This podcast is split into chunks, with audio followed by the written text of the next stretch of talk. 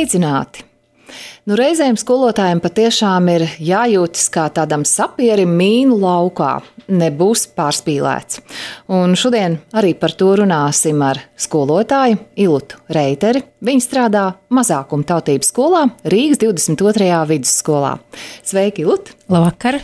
Nu tad kā ir justies latviešu valodas skolotājam un iejusties tajā atmosfērā, kurā mm, cilvēki varbūt ne visi ir sajūsmā par to, ka viņiem māca latviešu valodu. Vai tas ir stereotips? Manuprāt, tas ir stereotips. Viss, manuprāt, ir atkarīgs no paša skolotāja. Jo mana pieredze, varbūt tā pirmā pieredze nebija tā labākā.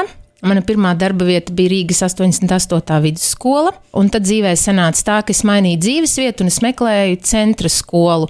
Un, laikam šī skola bija tā, kura man pavēra iespējas radoši izpausties, ko iepriekšējā skolā es kaut kā nevarēju realizēt. Un tāpēc, manuprāt, te ir tā vieta, kur es varu izpausties kur administrācija vienmēr ir pretīm nākoša jaunām idejām, un kur direktore mūs aktīvi virza dzīvē uz priekšu, gan tehnoloģiju ziņā, gan arī tīri tajā prāta līmenī, ka tu nevari iesīkstēt. Es nezinu, kā ir strādāt skolā, kur bērniem māca, nu, teiksim, latviešu skolās, kā mēs runājam. Es vairāk zinu, kā ir strādāt mazākumtautības nu, tad, skolā. Lūk, tieši tas ir tas aktuālais jautājums, jo visu laiku um, mēs uztraucamies, jā, latviešu valoda, valsts valoda, uh, ka citautieši kūtri apgūst šīs zināšanas, ka viņiem negribas mācīties latviešu valodu, ka viņi nav motivēti. Tu esi tajā pusē, kur tu redzi, kā šie jaunie cilvēki patiešām izturas pret latviešu valodu un tās apguvi. Tad kā īsti ir? Man nekad nav bijušas problēmas ar skolēniem. Neskapēc mana bērnība vienmēr bijusi ar puišiem, un tāpēc man arī skolā vieglāk ir strādāt ar puišiem. Un man vienmēr ir trāpījušies tie nepaklausīgākie, palaidnīgākie, visādi ir dzīvē gājis, ir bijis, kad kāds ir pēkšņi lecis uz galda vai metis krēslu sienā pret sienu, bet uh, es nezinu, es kaut kā esmu mācījusies vienmēr to risināt caur sarunu, caur sapratni. Varbūt tāpēc, ka mācoties lauka skolā, es to visu izbaudīju sevi, ka ļoti bieži man nesaprata. Un tāpēc es sapratu, ka Ko tas tad, nozīmē pie tā atgriežamies? Pie tā, ka nesaprata. Um, nu, varbūt tie bija tie laiki, kad uh, tā bija padomju sistēma, un jūs zinat, ka bija pilnas ģimenes un nepilnas.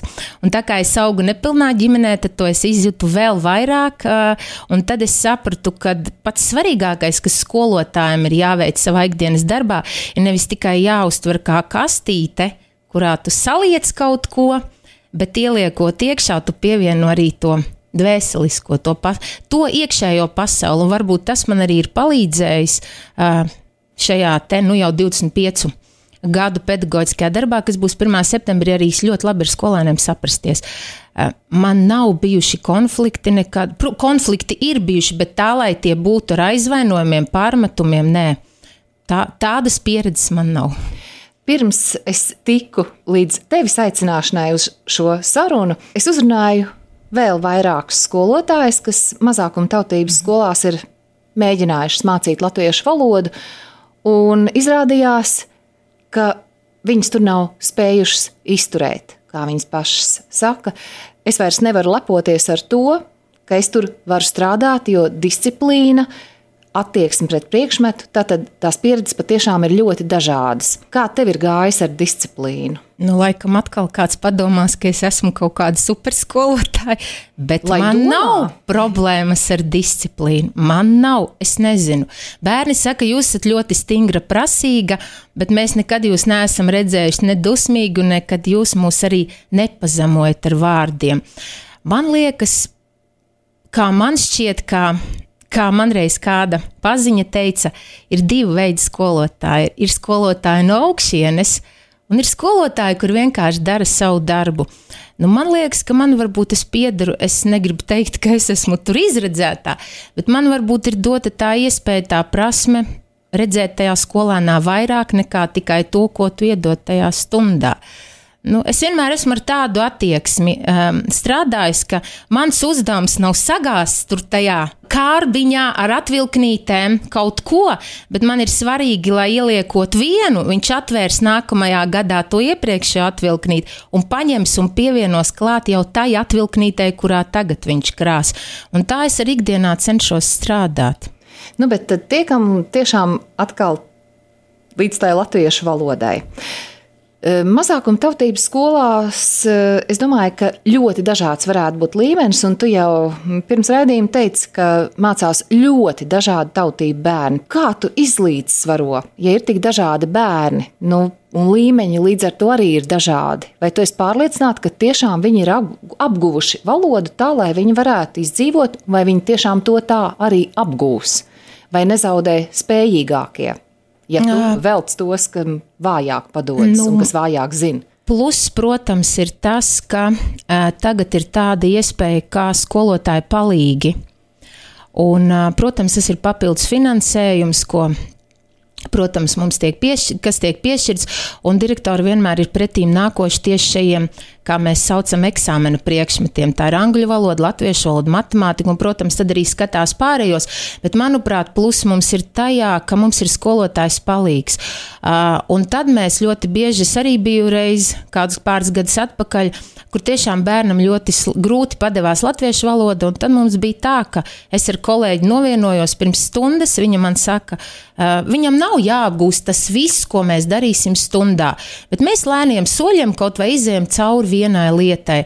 Un tad, kad šis skolēns puisis beidza, manuprāt, piektā klasē, tā toreiz bija, viņam bija tāds, nu, fantastisks kāpums, ka viņš vismaz nebija ierāvies sevi, un viņš bija pirmais, kurš vispār uztvēra kā skolotāju, kā latvieti. Un tas, prieks, tas man personīgi bija tāds liels pārsteigums, jo pirms tam puisis bija ļoti ierāvies sevi un diezgan agresīvs bija gan pret apkārtējiem klases biedriem, gan arī ļoti tā izaicinoši uzvedās jebkurā mācību stundā. Tā kā es uzskatu, ka mums ir skolā ļoti labi sakārtots administrācijas līmenī. Tas viss, kā mēs to darīsim, un tas arī atvieglo tavu procesu. Tā kā mums vēl šiem skolēniem, piemēram, kas ir atbraukuši uz Latviju, viņiem pēc izglītības ministrijas šīs norādēm, viņam ir iespēja divreiz nedēļā apgūt papildus latviešu valodu, kur jau skolotājs, kurš viņam ir ielikās, piesaistīts, viņš attiecīgi izstrādā šo materiālu tādā līmenī, lai vismaz viņš apgūst alfabēta rakstību, burtus raksta, vārdus raksta, nu, un, teiksim, tādiem ātriem soļiem pašu minimumu sarunu valodā um, apgūst. Mana pieredze ir tāda, ka nu jau ir pāris gadus, manuprāt, jau četrus gadus, kā ir mana 12. klase, nu jau aizgājusi pasaulē, kur nu kurš pār lielākā daļa, diemžēl, diemžēl ir nokļuvuši ārzemēs, bet man bija pieredze, ka pie manis 10. klasē, audzināmā klasē, atbrauc meitene no Sanktpēterburgas, Emīlija. Viņai ļoti grūti klājās, viņa spurojās. Bet tagad man ir prieks, viņa mācās kultūras akadēmijā, un kā es nesen Facebookā skatījos, viņa ir uzņēmusi īsfilmu, pabijusi Lietuvā, iegūsi godalgotu vietu, balvu, un man bija patīkami skatīties, cik viņa perfekti latviešu runāja. Tātad, manuprāt, ir arī atkarīgs ne tikai no paša bērna, bet arī no ģimenes, kādā viņš aug cik ģimene ir gatava pieņemt to, ka tu esi šeit, tev tas ir jādara. Un vecāki bija ļoti motivējuši. Tēcis viņai bija žurnālists, kurš ļoti bieži pēc tam vērsās mūsu skolā, intervijas lūdza, tātad, lai parādītu Krievijā, ka nav jau nemaz tik traki te mums, ka nevēršās pret tiem krievalodīgiem ar naidu un tā tālāk. Tas bija tāds liels pluss, jā. No Emīlija man ir tāds piemērs, jā, ko es pati esmu izgājis kam cauri. Vai tu jūti to stāstu? Ka rokas nost no krievu skolām, ja tā kustība, kur viens otrs uh, politiķis ir virzījis un stāstījis briesmu stāstus arī eh, kaimiņu valsts televīzijās par to, cik ļoti sūri uh, klājas mazākuma tautību bērniem, kuri nevar mācīties dzimtajā valodā, kuriem tiek uzspiesta šī svešā valoda. Manuprāt, pēdējos gados tomēr nāk tā vecāku paudze, kuri jau diezgan brīvi pārvalda valodu. Bet šeit ir cits aspekts, manuprāt, ko es esmu pamanījuši sevišķi sākuma skolā. Ļoti bieži mēs katrs esam vecāks un mēs mīlam savu bērnu tādu, kāds viņš ir. Un man ir bijušas tādas situācijas, kad gribēdama tam bērnam labu, vecāks jau saulaicīgi brīdināt par tām problēmām, kas viņam varētu rasties nākotnē, mēs nonākam konfliktā. Jo vecākam neskapēc liekas, ka tu gribi pazemot viņa bērnu, kaut kā noniecināt, un tad mums rodās šie konflikti.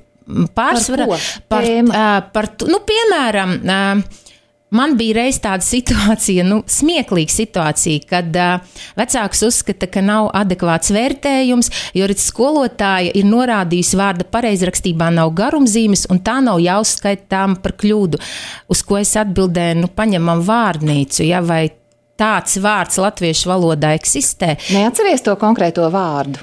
Neatceros. To gan es vairs neatceros, bet, manuprāt, tas bija saistīts ar rakstām piedarumiem. Kaut kas, vai, manuprāt, vai zīmulis, zīmulis, man liekas, ka tas bija tas vārds, kur mammai neskapēc likās, viss jau ir pareizi. Es teicu, nu labi, saturiski viņš pateiks, mutiski sapratīs, bet izlasot tāda vārda nav. Un vairāk šīs problēmas, es teiktu, ir sākuma skolā, kad vecākiem liekas, mans bērns, viņš tagad visu zinās Un augot lielākam, vecāki jau pieklust, jo viņi saprot, ka nu, nu, viņš ir tāds, kāds viņš ir, un nav tā, kā tu esi iedomājies. Un nevar būt viņš teicamnieks, ja tu esi bijis teicamnieks. Vecākiem ir ļoti grūti pieņemt to. Bet pirms es tev uzdošu nākamo jautājumu, mazliet ievelkam elpu.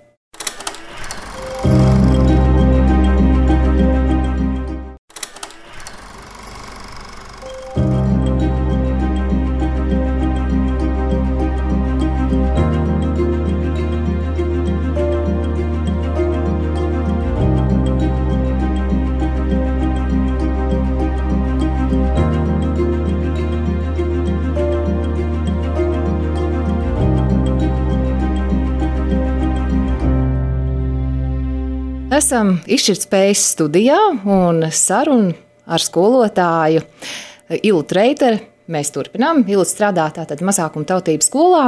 Jā, un tas, par ko mēs jau runājām, par to, kā vecāki uztver un redz savus bērnus, bet kā skolotājs redz šos bērnus skolā. Vai tev nācies sastapties arī ar to, ka vecākiem šķiet, pat ja mans bērns nezina ļoti labi, galvenais, lai citi zina sliktāk? Šo valodu. Un tad arguments ir, bet citi, citi taču arī nemāk, citi taču arī nerunā labi latviešu valodā. Es teiktu tā, manuprāt, ko es esmu pamanījusi pēdējo, es tā palēnām esmu pētījusi, kā mainās šī skolēnu paudze, piemēram, pirmklasnieki. Pagājušā gada, aizpagājušā vecāku vidū es to nenovēroju. Es teiktu, vairāk vecākiem ir šī te tendence izteikts egoisms es un manas prasības, manas tiesības un pienākumu mums nav. Tā ir tā vislielākā problēma, manuprāt. Tas, ka vai tiek pievērsts kādam citam bērnam, ka mans jau tur tā zina, bet tas tur vispār tādas problēmas nav. Vairāk mēs tomēr esam patērētāju sabiedrība, un to ļoti izteikti var vēr, novērot skolā. Ko tu ar to domā? Ar to, ka, ja es esmu atvedis savu bērnu, tad lūdzu, kā fabrikā veidojam kādu priekšmetu, un gala rezultātā es gribu redzēt to. Izsniedziet, Bet, jā, izsniedziet, formātā. jā, nu, formātā būs, jā. teiksim, 9. 3. klase diagnosticējušais darbs. Es gribu redzēt 10, 6, 10, 9, attiecīgi C līmenis. Uh, un ma, viņam ir certifikāts, ka viņam ir augstākajā pakāpē šī valoda apgūta. Ja?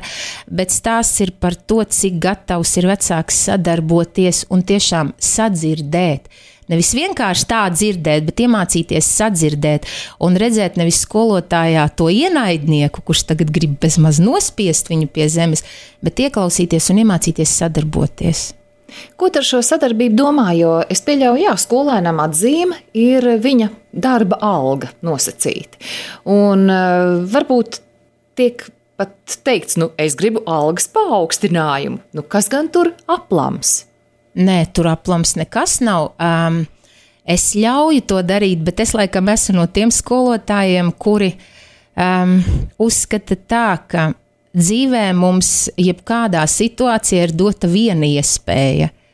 Un kāpēc tad tev vienreiz neizmantot visus savus resursus? Jo izmantojot savus resursus, tu pirmkārt sevi atvieglo no liekiem darbiem, tu ietaupi laiku un tu vari darīt pavisam kaut ko citu. Tāpēc es dodu iespēju, bet man ir uzstādījums, ka labot savu atzīmi, uzlabot, bet man ir tur knifi. Es nedodu to pašu darbu pārrakstīt. Nē, nē, tas, tas nav loģiski. Man ir knifs, es saku, tad tu nāksi un man konkrēts uzdevums, kurus redzu, ka tev ir bijušas ļoti liels problēmas. Mēs pārunāsim mutiski. Tu man paskaidrosi, kāpēc ir jādara tā un tā. Un teikšu godīgi, varbūt atnāk kādi divi, trīs. Jo viņiem liekas, ka pārrakstīt tas ir piedos tev to pašu darbu, Un tagad to pašu darbu pārrakstīs. Un kā iegūs informāciju ļoti vienkārši. Grupā pārunās, pierakstīs atbildes. Es dodu iespēju, bet tad man ir kaut kādi citi varianti. Nu, man ir tādi papildus darbi, ka mums ir piemēram lasīšana lasīšanas seminārs vienreiz mēnesī. Katrs izvēlās grāmatu. Man ir latviešu valoda. Jā, protams. viņi lasa. Man audzināmā klase ir tam piemērs, kad vidusskolā viņi paši lasīja. Mēs vairs nerīkojam, viņi paši piedāvāja skolotāju, varbūt mēs varam. Viņam tas ļoti iepatikās. Es ceru, ka arī viņi tagad to turpina darīt. Tā kā es domāju, viss ir skolotāja rokās atrast pieeju tam, lai bērnam gribētos, bet viņš atrastu kādus citus resursus, un viņš to pēc tam darītu patstāvīgi. Jo atnāk tikai pārakstīt dēļ atzīmes, manuprāt, tam jau nav jēgas. Es redzu, ka tur apakšā ir vecāka vēlme, ne jau bērna vēlme. Un te ir tas stāsts, ka principā jau pēc skolas viņam, ja būs vajadzīga tā valoda, viņam vairs nebūs laika to mācīties. Nu, tad tagad maksimāli būtu it kā tas jāizmanto šajā mm, brīdī. Jā, tur es pilnībā piekrītu, un es tāpēc arī viņai vienmēr saku, ka tu esi šeit un tagad. Un minu arī savu pieredzi. Atceros, ka es mācījos uh, skolā, tā bija vidusskola. Man likās, ātrāk beigt skolu, bet tagad es saprotu, cik labi bija tur sēdēt. Un īstenībā tev bija vienīgais darbiņš, kas jādara, tas bija jāmācās. Tev bija daudz vairāk brīvā laika, tu varēji lasīt, sportot. Tagad jau ir, tev ir pieauguši cilvēka dzīve, un tev būs pienākumi daudz vairāk. Un tagad parunāsim par to, cik vērtīgi ir izdevums materiāli un e, tas veids, kā bērns iepazīstas ar latviešu valodu sociālo zinātņu stundā. Es tev iedevu tātad desmitgadīgam bērnam teksts, ar kuru viņam jātiek galā, un pēc tam jāspēj atbildēt uz jautājumiem. Nu, tad lūdzu, nolasi. Tu pavisam nesen piedzīvoji jau iepriekš minētās pārmaiņas un sāki mācīties 4. klasē. Lai saprastu, kādas bija šīs pārmaiņas cēloņi, ir jāuzdod jautājums, kāpēc tu sāki mācīties nākamajā klasē. Viens no cēloņiem varētu būt tas, ka tu iepriekšējā mācību gadā ieguvi zināšanas un prasmes un biji gatavs šajā mācību gadā jauniem izaicinājumiem nākamajā klasē. Cēlonis ir jebkuras norises un parādības izraisītājs. Sekas ir cēloņa darbības iznākums un izpaužas kā noteiktas izmaiņas priekšmetā vai parādībā. Un kas bērnam ar šo tekstu jāizdara? Tur ir jautājumi mm. uzdoti. Tā tad uh, tur ir, kāpēc sākās pārmaiņas, kas ir mainījies, un parādās divi šie atslēgas vārdi - cēloņi un sekas. Un tagad, Ilta, es tev izstāstīšu, kā es tiku pie šī materiāla. Atnāca man pazīstama mamma un teica, lūdzu, palīdzi, mēs ne, netiekam ar šo tekstu galā ko lai bērns raksta, ko lai viņš atbild. Es lasīju šo tekstu un ar šausmām sapratu, ka es ar savu maģistra grādu arī netieku ar šo tekstu galā. E, tavuprāt, kāds priekšstats veidojas par latviešu valodu, ja šo tekstu nu, ir neiespējami saprast, izprast? Nu, kur nu vēl 4. klasē? Pirmkārt, es nekad tādu tekstu nedotu. Es jau apmēram galvā zinu, ko es darītu. Es to tekstu apspēlētu mācību stundā. Un es paņemtu cēloņa vietā darbības un seku vietā rezultātu. Un, principā, ja mēs vienkāršojam, tas stāsts jā. ir, tu pabeidz trešo klasi, tāpēc tagad tu esi ceturtajā klasē. Tā kā tu mācījies un apguvi to vielu, kas tev bija nepieciešama trešajā klasē, tu vari mācīties ceturtajā. Cēloņi un sekas viss pārējais, tas stāsts. Nu, man liekas, tas ir pārāk zinātniskā. Nu, te jau es teiktu, ir kā no encyklopēdijas paņemts. Te ir zinātniski termini, un ceturtajai klasē, nu, es domāju, Tad izvērti. ja es būtu bērna vietā, visticamāk, kā es atvērtu, tā es aizvērtu, un es varbūt arī no vecāka puses rīkotos tieši tāpat. Nu, Es zinu, varbūt kāds no skolotājiem, kurš klausīsies šos interviju un teiks, ka es atkal idealizēju, bet um, man tomēr liekas, ka viss jau ir tā skolotāja rokās. Un, um, nu, mēs varam strādāt divējādi. Mēs varam atvērt grāmatu un paskatīties, ka tēma ir par to, kas ir pagātne un tagadne. Un tad mēs varam iet pēc punktiem, un bērnam tas ir jādara, bet mēs varam patvērt, paskatīties, bet izveidot pavisam savu materiālu. Tā kā to daru es. Bet te ir arī stāsts par to, vecāki neiebilst. Es teicu, bet aizēju pie skolotājas, mm. izrunā, kāpēc šāds uh, teksts, ka tas ir pārāk sarežģīts, un atbild bija. Nē, tas nav iespējams. Viņi noteikti tad, nu, nepatiks man, manam bērnam slikti klāsies, un citi noteikti kaut kā tiks galā. Vecāki nerunā par to. Viņi neiet, neskat, nestāst skolotājiem, ka ir šāda problēma. Tavuprāt, tā rīcība, nu kādai tai būtu jābūt? Um. Man liekas, ka vēl ir ļoti liela problēma um, mūsdienu sabiedrībā, un to mēs redzam skolā. Mēs neprotam runāt.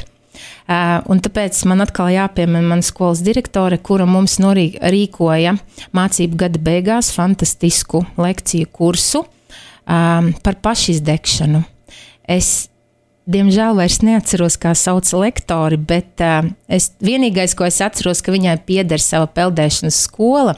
Viņa nodarbojas ar peldēšanu gan ziemā, tātad tur var iet tie visi roņi, kā viņa teica, bet tas bija tik fantastisks lekciju kurs, ka man liekas, mēs visi kolēģi, kuri pirmajā reizē. Uh, protams, caur ekrānu, caur tiešsaitēm mēs bijām, ka visi mēs tur izvēlējāmies tādus attēlus, un viss, ko, ik viens, kas teica, es gribētu būt kaut kur prom, klusumā, un tad, kad bija pagājusi tā nedēļa, tad uh, visiem bija tāds pozitīvisms, atsauksmes ļoti labas, un man liekas, tas ir tas, kas palīdzēja, viņi iemācīja mums, es to vēl mācos darīt, man nevienmēr nesanāk, bet tā formula ir ļoti laba, kā iemācīties runāt. Kā runāt? Ja ir direktors, skolotājs, vecāks, vai ir vecāks un skolotājs, kā iemācīties runāt. Un pirmais, ko es e, izmēģināju šo te formulu, tā bija mana meita. e, grūti gāja, bet e, man liekas, ka mums ir tas, ka mēs neprotam nospraust robežas, kur ir mans laiks un kur ir tavs laiks. Un es laikam esmu no tām mamām, kurai ir pieejama visu diennakti, kā man vīrs teica, bet varbūt vajag robežas nospraust. Nu, tā kā tu man vari zvanīt tajā laikā vai tajā. Man liekas, ar vecākiem ir tieši tas pats, jo vecāks iedomājās, ka viņš tevi noķers koridorā. Viņš jau nesaprot, ka tu varbūt nāc no stundas, tu esi savās domās, vai tu esi nākamo stundu. Un tad, kad tevi noķer un tev tagad sāk bļaut uz tevis tādā pārsvarā, tā ir negatīva enerģija, tā nav pozitīva tad tu apstulbsti un vienīgais, ko tu vari pamāt ar galvu, apgriezties un aiziet. Nu, nākamais solis vecākam jau ir pie direktoras. Tāpēc man liekas, mūsdienu sabiedrībā ir tā problēma, ka mēs neprotam runāt. Mēs neprotam sadzirdēt, mēs neprotam uzklausīt, mēs tikai runājam man, man, es, es. Un tāpēc, manuprāt, arī ļoti maldīgs priekšstats sabiedrībā par skolotāju. Jo es nesen Facebookā redzēju tādu domu par to, ka skolotāja darbs ir viens no tiem darbiem, kurš ir jau jādara pirms tam, lai tu varētu darīt savu darbu. Un tad, kad tu dari savu darbu, tu nevari darīt to, tas ir doma par to, ka tad, kad tu māci, Tev principā jau jābūt zināmam, ko tu darīsi rīt, bet skolotāja darbs, mans darbs, beidzas ar to, ka es beidzu stundu un es saprotu, ko es darīšu rīt. Es nevaru saplānot, šodien būs šis, šodien būs tas, šodien, nākamajā aizparīdien tas. Nu, te ir tas variants, kur viss jau ir paredzēts, kur skolotājs vienkārši, ah, pēc plāna ir tas, tas, tik, tik stundas. Ļoti labi, tā tad es tā iešu uz priekšu, bet stāsts ir par to, ko bērns no tā iegūs. Tieši atgriežoties pie latviešu valodas, uh, vai bērniem mazākuma tautības skolā ir vēlme lietot to valodu? vai principā viņiem stunda, priekšmets, formāli atzīmes, viss kārtībā, vai tomēr viņiem šī valoda interesē arī kā nu, jebkas, kas paplašina redzeslauku un iespēju tātad saņemt informāciju un pašiem komunicēt. Nu, atkal jāpiemina, mana bijusi audzināmā klase bija posms, kad uh, es viņiem, uh, lai trenētu dzirdi, liku prāta vētras dziesmas, uh, instrumentus, un sanāca tā, ka ar laiku viņiem uh, bija viena meitene, man tāda ļoti izteikta mākslinieca, kura pat tā iespējā bija palūgusi vecākiem iegādāties biļetes, un viņi bija kopā aizgājuši uz šo instrumentu koncertu. Um, man liekas, ka skolotājiem ir jāiet līdz laikam. Un skolotājs nevar tikai pēc šī formāta, bet viņam ir jā, jāparāda tā reālā dzīve. Un, manuprāt, vēl liels pluss ir mūsu skolā. Ka mēs ar bērniem runājam latviešu. Mums nav tā, ka mēs stundu novadam un starp brīdī mēs tagad runāsim krieviski. Nē, es viņiem vienmēr saku, runā, nevari pateikt, pasaki vārdu krieviski, es tev pārtulkošu, bet mēs runājam latviešu. Bet vai citu priekšmetu skolotāji, eh, kuri nav latviešu valodas skolotāji un kuru dzimtā valoda, valoda ir krievu, arī runā latviešu valodā ar bērniem skolā? Manuprāt, nē. Manuprāt, diemžēl nē, bet kolēģu vidū runā, jā. Nu, tas ir attiecīgi, nu, Man to grūti spriest, tā, bet to, ka viņi cenšas runāt, citam sanāk grūtāk, bet, nu, cenšas, jā, tā mums nav. Kad, bet tas, ka ar bērniem, no angļu valodā skolotājs dzirdēs runāt ar bērniem starpbrīžos angliski, ja, tas ir tā labi, manuprāt, ka tu to valodu nevis ieliec tajās 40 minūtēs, tajā kastītē, bet to arī to runā ikdienā. Un citreiz veikalā, ja tevi ierauga, tad pieskrien klāt, sasveicinās, pajautā latviski. Man jau liekas, ka tas ir viss atkarīgs no skolotāja. Skolotājiem ir jābūt personībai bērnu acīs, nevis tas, kurš stāvēs un tagad. Bet tas, kurš pielaidīs sev klāt, kā es vienmēr saku, es, es esmu jūsu draugs. Bet tomēr mana pieredze ir lielāka. Bet, um, ko es vēl vienmēr bērniem saku, ja tu man vari pierādīt, saistībā ar literāriem darbiem, ka mēs lasām, ja tu man vari pierādīt, ka tas, ko tu saki, tā ir patiesība, lai es tam noticu, parādi. Nu, pamato man, un ja tu man pamatosi, viss kārtībā. Es nekad uh, nesaku, ka tas ir nepareizi. Ja man bērni ļoti bieži pavēruši apvārsni, tālāk paiet, un es saprotu, jā, viņš pat tur ir to saskatījis, ko es jau ar savu domāšanu nekad pat neaizdomātos. Kā, un, ja ir bijusi situācija, kad puisis pēkšņi 9. klasē sāk raudāt, un es nesaprotu, kas noticis. Viņš saka, skolotāji, tas ir stāsts par mani, par zēnu, kuru reiz ģimene izšķīrās, un es ļoti skumstu pēc tēta. Uh, tad es šim puisim teicu, mm, tas paliek šeit un tagad. Uh, un es bērniem arī teicu, ka nu, tā ir personīga lieta. Ja, ja Andrejs atvērās mums visiem, tad tas paliek mūsu noslēpums. Un man liekas, ka nu, viss ir skolotāja rokās. Ilut, Tas nu gan nav nevienam noslēpums, ka skolotāju mazākuma tautībās, tieši latviešu valodas skolotāju, ārkārtīgi hroniski trūkst. Ja kādam ir vēlme iet strādāt, viņš kaut rīt var doties un atrast tātad vakāņu sarakstā brīvu vietu. Kāpēc, tavuprāt? Manuprāt, ne tikai mazākumtautības skolās trūkst, trūkst arī skolās, kur dzimtā valoda ir latviešu valoda. Nu, man personīgi, mana pieredze rāda, man bija svarīgs kolektīvs. Man bija svarīgs kolektīvs, kā, kā mani pieņems, kā es jutīšos, cik uh, vadība būs atvērta manām idejām. Tas man bija primārais. Un uh, man paveicās, un tāpēc arī šajā skolā patika, paliku. Un vēl kas man ļoti patika, laikam, Es nezinu, jau šis būs 12. gads, 1. septembrī, kopš šajā skolā strādāju. Man ir vienmēr veicies ar bērniem. ar vecākiem varbūt ne tik ļoti, bet ar bērniem es saku vienmēr. Tāpēc varbūt tas ir tas, kā mēs ar kolēģi kaut kādā mācību gada beigās runājām, ka laikam tas, kas mani šeit notur, ir bērni. Jo tad, kad uh, tu redzi, ka tev ir izdevusies mācību stunda, un tad, kad tev pasaka skolotāji, bija super. Tad ir tāds, oh, es sasniedzu, ir. Un, protams, ir brīži, kad tu vadi to stundu un tu saproti, nav. Kaut kas nav, vai nu bērni, kā mēs ļoti bieži smējamies, varbūt citiem liksies smieklīgi, bet ļoti labi var just, kad ir uh, mēnesis aptumsums tuvojas. Vai pilnmēnesis? Jā, jā, jā tas, tā, tas ir Nu, izteikti ļoti jūs. Nu, kā var just? Bērni pirmkārt ir drausmīgi uzvilkti emocionāli.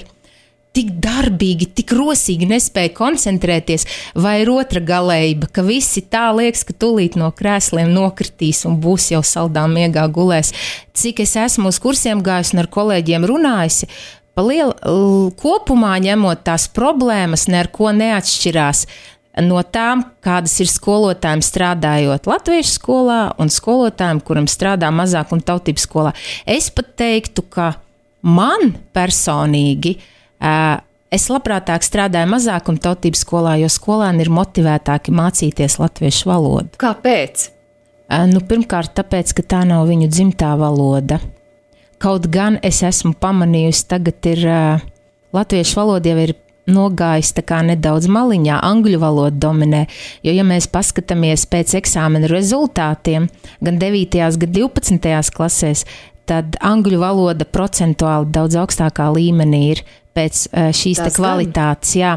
Ā, Bet ā, tas, ka Devītajā klasē skolēni ir daudz motivētāki, jo viņiem ir jāiegūst šis te certifikāts mazākumtautības skolā. Tas ir šis te certifikāts apliecinājums, ka mans apguves valodas līmenis ir novērtēts ar tādu, tādu pakāpi. Ja? Tas strauji krītās vidusskolā kur šī motivācija pazūd. Es esmu meklējusi šos, te, mēģinājusi saprast, uh, uh, kāpēc tā notiek. Uh, mm, secinājums ir tāds, ka ir divi varianti. Ir tie skolēni, kur ir skolā, tāpēc vidusskolā, ka vecāki to vēlās. Vai ir skolēni, kuri it kā ir atnākuši, bet kaut kādā brīdī viņš saprot, man te nav ko darīt. Viņš, viņš kaut kur ir apjucis, viņš ir apņēmies, un viņš ir gatavs iet līdz galam, bet vienā brīdī viņš saprot, ka nē, es to nedarīšu, es pārtraukšu to, es iešu strādāt. Nu, Man, mana audzināmā klasē ir tāds piemērs, ka man bija puisis, tur gan bija cits stāsts, tur bija nelaimīga mīlestība, un 12. klasē mēs martā paziņojam, ka mēs pametam skolu. Nu, tad mums bija sarunas, un puņķi un asaras, bet nu, ar klases biedru palīdzību mēs godam beidzām 12. klasi. Tā kā motivācija krītās vidusskolā. Jā. Bet pamatskolā un sākuma skolā tā ir diezgan augstā līmenī. Protams, un sarunu turpināsim pēc īsas pauzītes.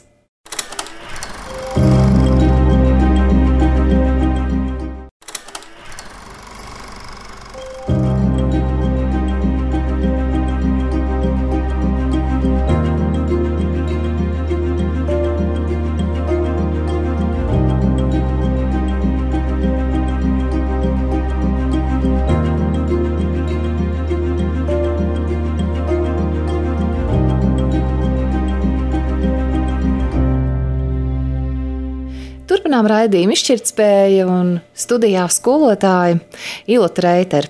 Ilot, tad kur ir problēma, ja tā motivācija atkal pazūd? Ir sajūta, ka ir apgūts pietiekami, ka nav vairs jātērē lieka laika, un latviešu valoda gan jau fonā visu laiku skan, nu gan jau ar to varēs izdzīvot. Nu, ja mēs runājam par vidusskolu, tad man liekas, tas ir tas lūzuma posms, kad uh, 9. klasē skolēns ir izlicis visu enerģiju, visus spēkus tam, lai kvalitatīvi nokārtot eksāmenu matemātikā, latviešu valodā, savā dzimtajā valodā, uh, angļu valodā un vēsturē. Un man brīžiem liekas, es to redzu pēc tiem skolēniem, kur tiešām ir ļoti izcīt, uzcītīgi, viņi vienkārši izdeg. Viņi ir iekšēji izdeguši, viņiem viņos nav šī resursa vairāk, viņi ir apjukuši, viņiem vienkārši, es teiktu tā, tā tas būtu okeāns, krēsls, palma, un vienkārši baudīt. Un man liekas, ka tur ir tā problēma, kas mums arī skolotājiem ir nepieciešama, ir vajadzīgi es teiktu, sava veida kaut kādas praktiskas nodarbības lekcijas viņiem, kur viņi praktiski darbotos, lai viņi saprastu, kā man rīkoties tajā situācijā, kad es esmu iekšēji izdedzis. Lūk, man ir problēma. Kā man šo problēmu atrisināt? Un tad ir divējādi skolēni. Ir tie, kuri vienmēr ies uz priekšu, lai cik viņiem grūti, viņiem nesanāks, viņi salūzīs, bet celsies un ies. Un ir tie, kuri pārdegs, un tad viņiem aizies viņi kaut kādā citā virzienā. Citam cits pieķersies mīlestībai, man ir bijusi pieredze.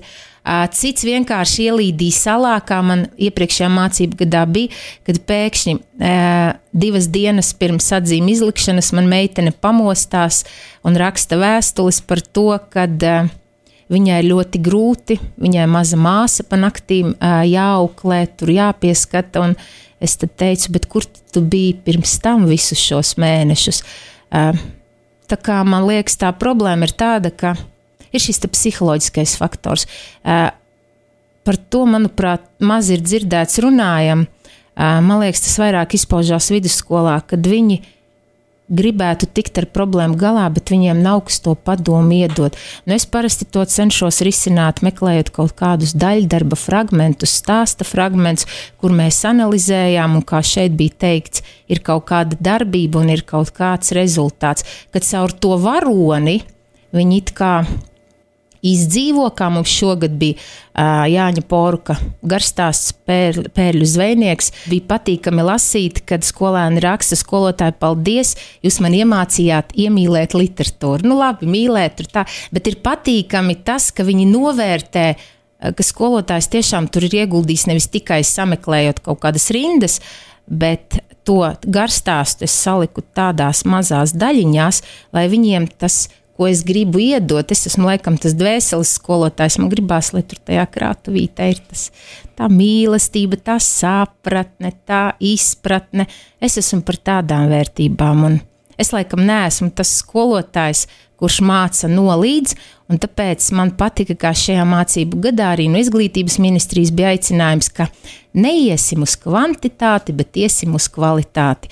Un te ir tas teiciens, kas man patika vienos kursos, ka mazāk tas ir vairāk. Jā, bet no otras puses, eh, tas tiešām ir arī stāsts par to, vai vienmēr tie bērni ir ļoti patiesi pret tevi, vai nav kādas situācijas, kur viņiem ir izdevīgi izdomāt. Es klausījos, jā, tad, kad tu teici par to māsiņu, vai tu nejūti to reizēm to starpību, kad tas patiešām ir iemesls, vai vienkārši tas ir attaisnojums, es atrodu kādu vainīgo, uz ko novelt vainu. Manā pieredzē laikam tā nav, jo mums parasti ir tā, ka mēs runājam, un tad es saku, nu stāsti, kā tad īsti ir. Jo tas ir vienalga, vai tas būs sākuma skolēns, vai pamatskolēns, vai mm, vidusskolēns. Manuprāt, skolotājiem ir jābūt tai uzticības personai, kuram tu vari uzticēties. Es nerunāju kaut kādās sīkās detaļās, niansēs, dvēseliskās, bet pateikt, kā ir. Nu, pasaki godīgi. Uh, Un uh, man ir praksē, es esmu iepraktizējusies tā, ka mēs vienojamies, mēs godīgi atnākam uz stundu. Mēs pamatskolā, teiksim, sastās, kas skolēns galvu neiebāzīs mugursomā un desmit minūtes nemeklēs. Es saku, nu kā tu tur ir, un atkal jāmin man humors, pieredze, anekdote. Tā ir dzīva anekdote, kad manā audzināmā klasē bija viens puika, kurš 5. klasē gulēja, 6. klasē jau sēdēja guļot, 7. sāka kaut ko zīmēt, 8. sāka lasīt, nu, un 9. klasē izdomāja, kad jākārto eksāmens. No A līmenī mēs nokārtojām, par ko viņš bija pateicīgs, bet te bija, tie bija garie vakari mums no 6 līdz 8. Nu, vienkārši labdarība, jo man bija svarīgi, lai šis puika nokārto. Uh, un saistībā ar to burtnīcu bija reiz tā, ka viņš iebāž to galvu meklē un sajūsmināts izvalk, ka tur ir iekšā burkāni, kuriem jau sākuši dīgt. Es saku, Viktor, kas tas tāds ir? Vai skolotāji tie ir no tās programmas, no tās nedēļas, tie burkāni? Es saku, kur tad ir burtnīca? Nu, nav jau. Es saku, nu, bet kāpēc tad tu nesaki? Bailes, bailes, saku, nu tad mums ir vienošanās, arī ja tagad es tā daru. Ja tev nav mājas darba piekdien, tev ir jānodod visi mājas darbi. Ja tu nenodod, tā, tad tu saņem NV. Mēs vienojāmies, vienojāmies, darbība bija, bija. Tavs rezultāts. Tāpēc man tādas problēmas nav, mani nevar apmānīt. Jo es ļoti viegli to varu, es no acīm varu nolasīt. Vi, es viņus pirmo gadu nepazīstu. Man ir, nu, piemēram, šogad man būs 12. klase, kur es mācu no pirmās klases. Nu, mēs ļoti labi viens otru jūtam, un viņi ir iemācījuši, viņiem ir kauns man melot. Viņiem ir kauns, jo viņi redz to, ka tu ar atdevi cik tu spēj, tu viņiem dod, viņi to novērtē, un viņiem ir skolotāji priekšā vienkārši kauns, nu, muļķības runāt, nu, vēl pieaugušam cilvēkam. Es viņam vienmēr saku, jūs jau man esat kā pieauguši. Bet runājot tiešām vēl joprojām par tiem pašiem vecākiem, kuri, es pieļauju, nevienmēr novērtē to aizbērga neredzamo daļu, kā tu pati esi salīdzinājis, tas skolotāja darbs, tas mazais uzkalniņš, kas tur vīd ārā no ūdens. Tas ir tas darbs klasē, tās tiešās stundas, bet viss tas pārējais, kas skolotājiem jāpaveic un ko. Varbūt attālināto mācību laikā vecāki ir izbaudījuši un sapratuši, ka tomēr skolotāja darbam ir daudz vairāk komponentes, sastāvdaļas un laikietilpības nekā tikai Tātad no 8 rītā līdz 3 vai 4 pēcpusdienā novadīt stundas klasē. Kas ir svarīgākais, ko tu gribi pateikt un pastāstīt par to aizbērgu, lai tas nepaliek noslēpts tagad arī vecāku acīm? Nu, man liekas, ka sabiedrībā skolotājs tiek pozicionēts tikai no viena šī spektra, tā ir profesija. Uh, un, uh, protams, vienmēr visas neveiksmes, visi uh, visas neizdevušās lietas tiek vienmēr pie, piedēvētas skolotājai, viņa neprofesionalitāte un tā tālāk. Eh, protams, tas ir ļoti sāpīgi. Es esmu iemācījusies, es esmu uzaudzējis bruņas, iemācījusies, bet nevienmēr man tas izdodas. Ja? Es esmu daudz komentārus lasījis par to, ka ko nu tie skolotāji, ko viņiem tur naudu, par ko viņiem maksā, viņi jau neko nemāca. Es piekritīšu tiem vecākiem, jā, ja man būtu šāds formāts, eh, man rastos priekšstats viennozīmīgi. Un es domāju, ka tādi uh, sabiedrībā varētu būt. Es teiktu, pat 90% vecāki, kuri domā, ka skolotāji strādā šādā formātā. Nu, tātad tajā, jā, tas, nu, tajā, minējam, jā izkopēta lapa. Un, uh, un varbūt pat pats īsti nezina, cik ir teksts sarežģīts un kā to bērnam pasniegt. Tad es gribētu teikt, ka es piedaru pie tiem 10% kuri ļoti daudz laika velta tam, lai sagatavotu materiālu. Manuprāt, to pagājušajā mācību gadā izbaudīja mans vīrs, kad viņš teica, pietiek, slēdz datorā, viņš teica, tagad iesi gulēt. Un tad viņš man lika uz trījiem no rīta pulksteni, es cēlos, galva gaiša, un es perfekti sagatavoju materiālu. Tas ir cienījamie vecāki, kas klausīsies stāst par to, ka skolotāja darbs īsnībā jūs, jūsu bērns saņem to darbu, 40 minūtēs, bet cik viņš līdz tam ir darbu ieguldījis, cik tas viņam ir prasījis resursus, par to neviens nekad neaizdomājās. Tad, kad mēs strādājām skolā, klātienē, es paliku pēc darba, citreiz līdz septiņiem vakarā. Es meklēju, kopēju, tagad es to daru caur ekrānu, meklēju stāstus, meklēju dzējoļus. Es gribētu runāt par to, ka varbūt nevajag tos skolotājus tik ļoti šausmīt par to, ka viņi neko nemāķi bet varbūt kādreiz vajag iedziļināties un paskatīties kaut vai caur šo te platformu Teams, kur lielākā daļa skolu strādā, izlasīt, ko tur skolotājs. Tas nav vienkārši materiāls. Tur ir uzrakstīts, kāpēc tu to šodien apgūsi, ko, ko tu ar to iegūsi, kur tu to varēsi izmantot nākotnē, reālajā dzīvē, kas tagad tiek pieprasīts jaunajā šajā te programmā, kuru mēs pagājušajā mācību gadā jau es mācīju gan 7. gan 10. klasē. Tas ir milzīgs darbs un Diemžēl tā samaksa ir tāda, kā ir.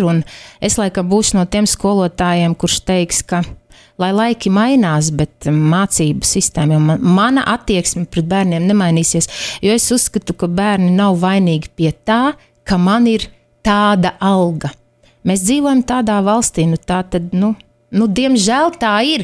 Un, ja mēs visi uh, dzīvosim pēc principa, ka man par to nemaksā, un tāpēc es tev mācīšu tikai tik, uh, šādā formātā un ne vairāk, tad padomāsim, kādi mums būs ārsti, kādi mums būs lidotāji, kas nākotnē tad manu mazbērniņu izglītos.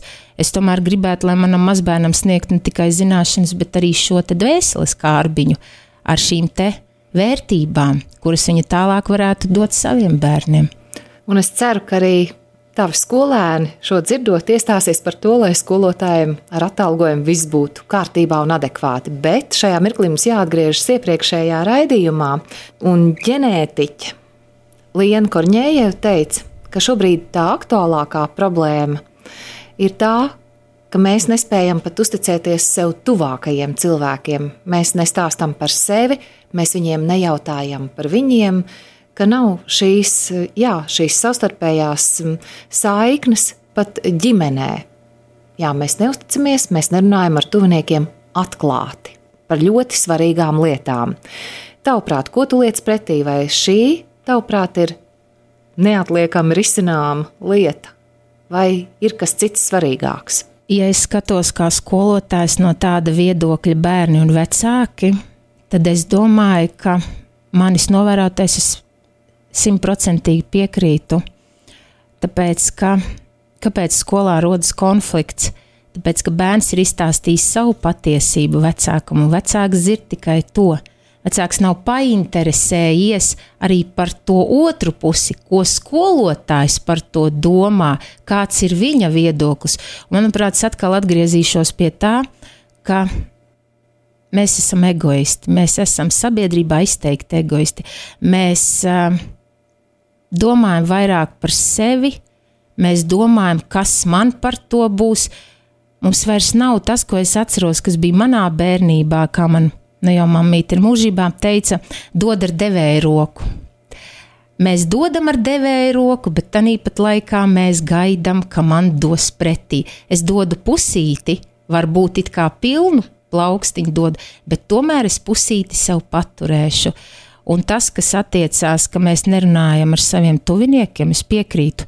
Varbūt es nerunāju ar saviem tuviniekiem par savām problēmām, tāpēc ka viņi jau to redzēja strādājot mājās. Un, uh, Es apzagu savus tuviniekus, jā, man vienkārši jā.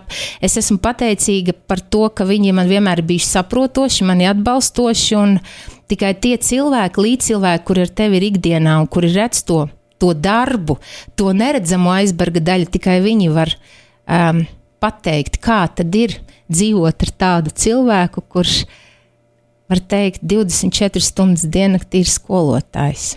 Es tomēr palikšu pie tā, ka mums ir jāmācās, mums ir jāiemācās sadzirdēt un sarunāties. Ne tikai ar saviem tuviniekiem, bet vispār sabiedrībā vienam ar otru. Neatkarīgi no tā, kādā valodā mēs runājam. Tieši tā. Paldies, tev liels, Ilut! vote.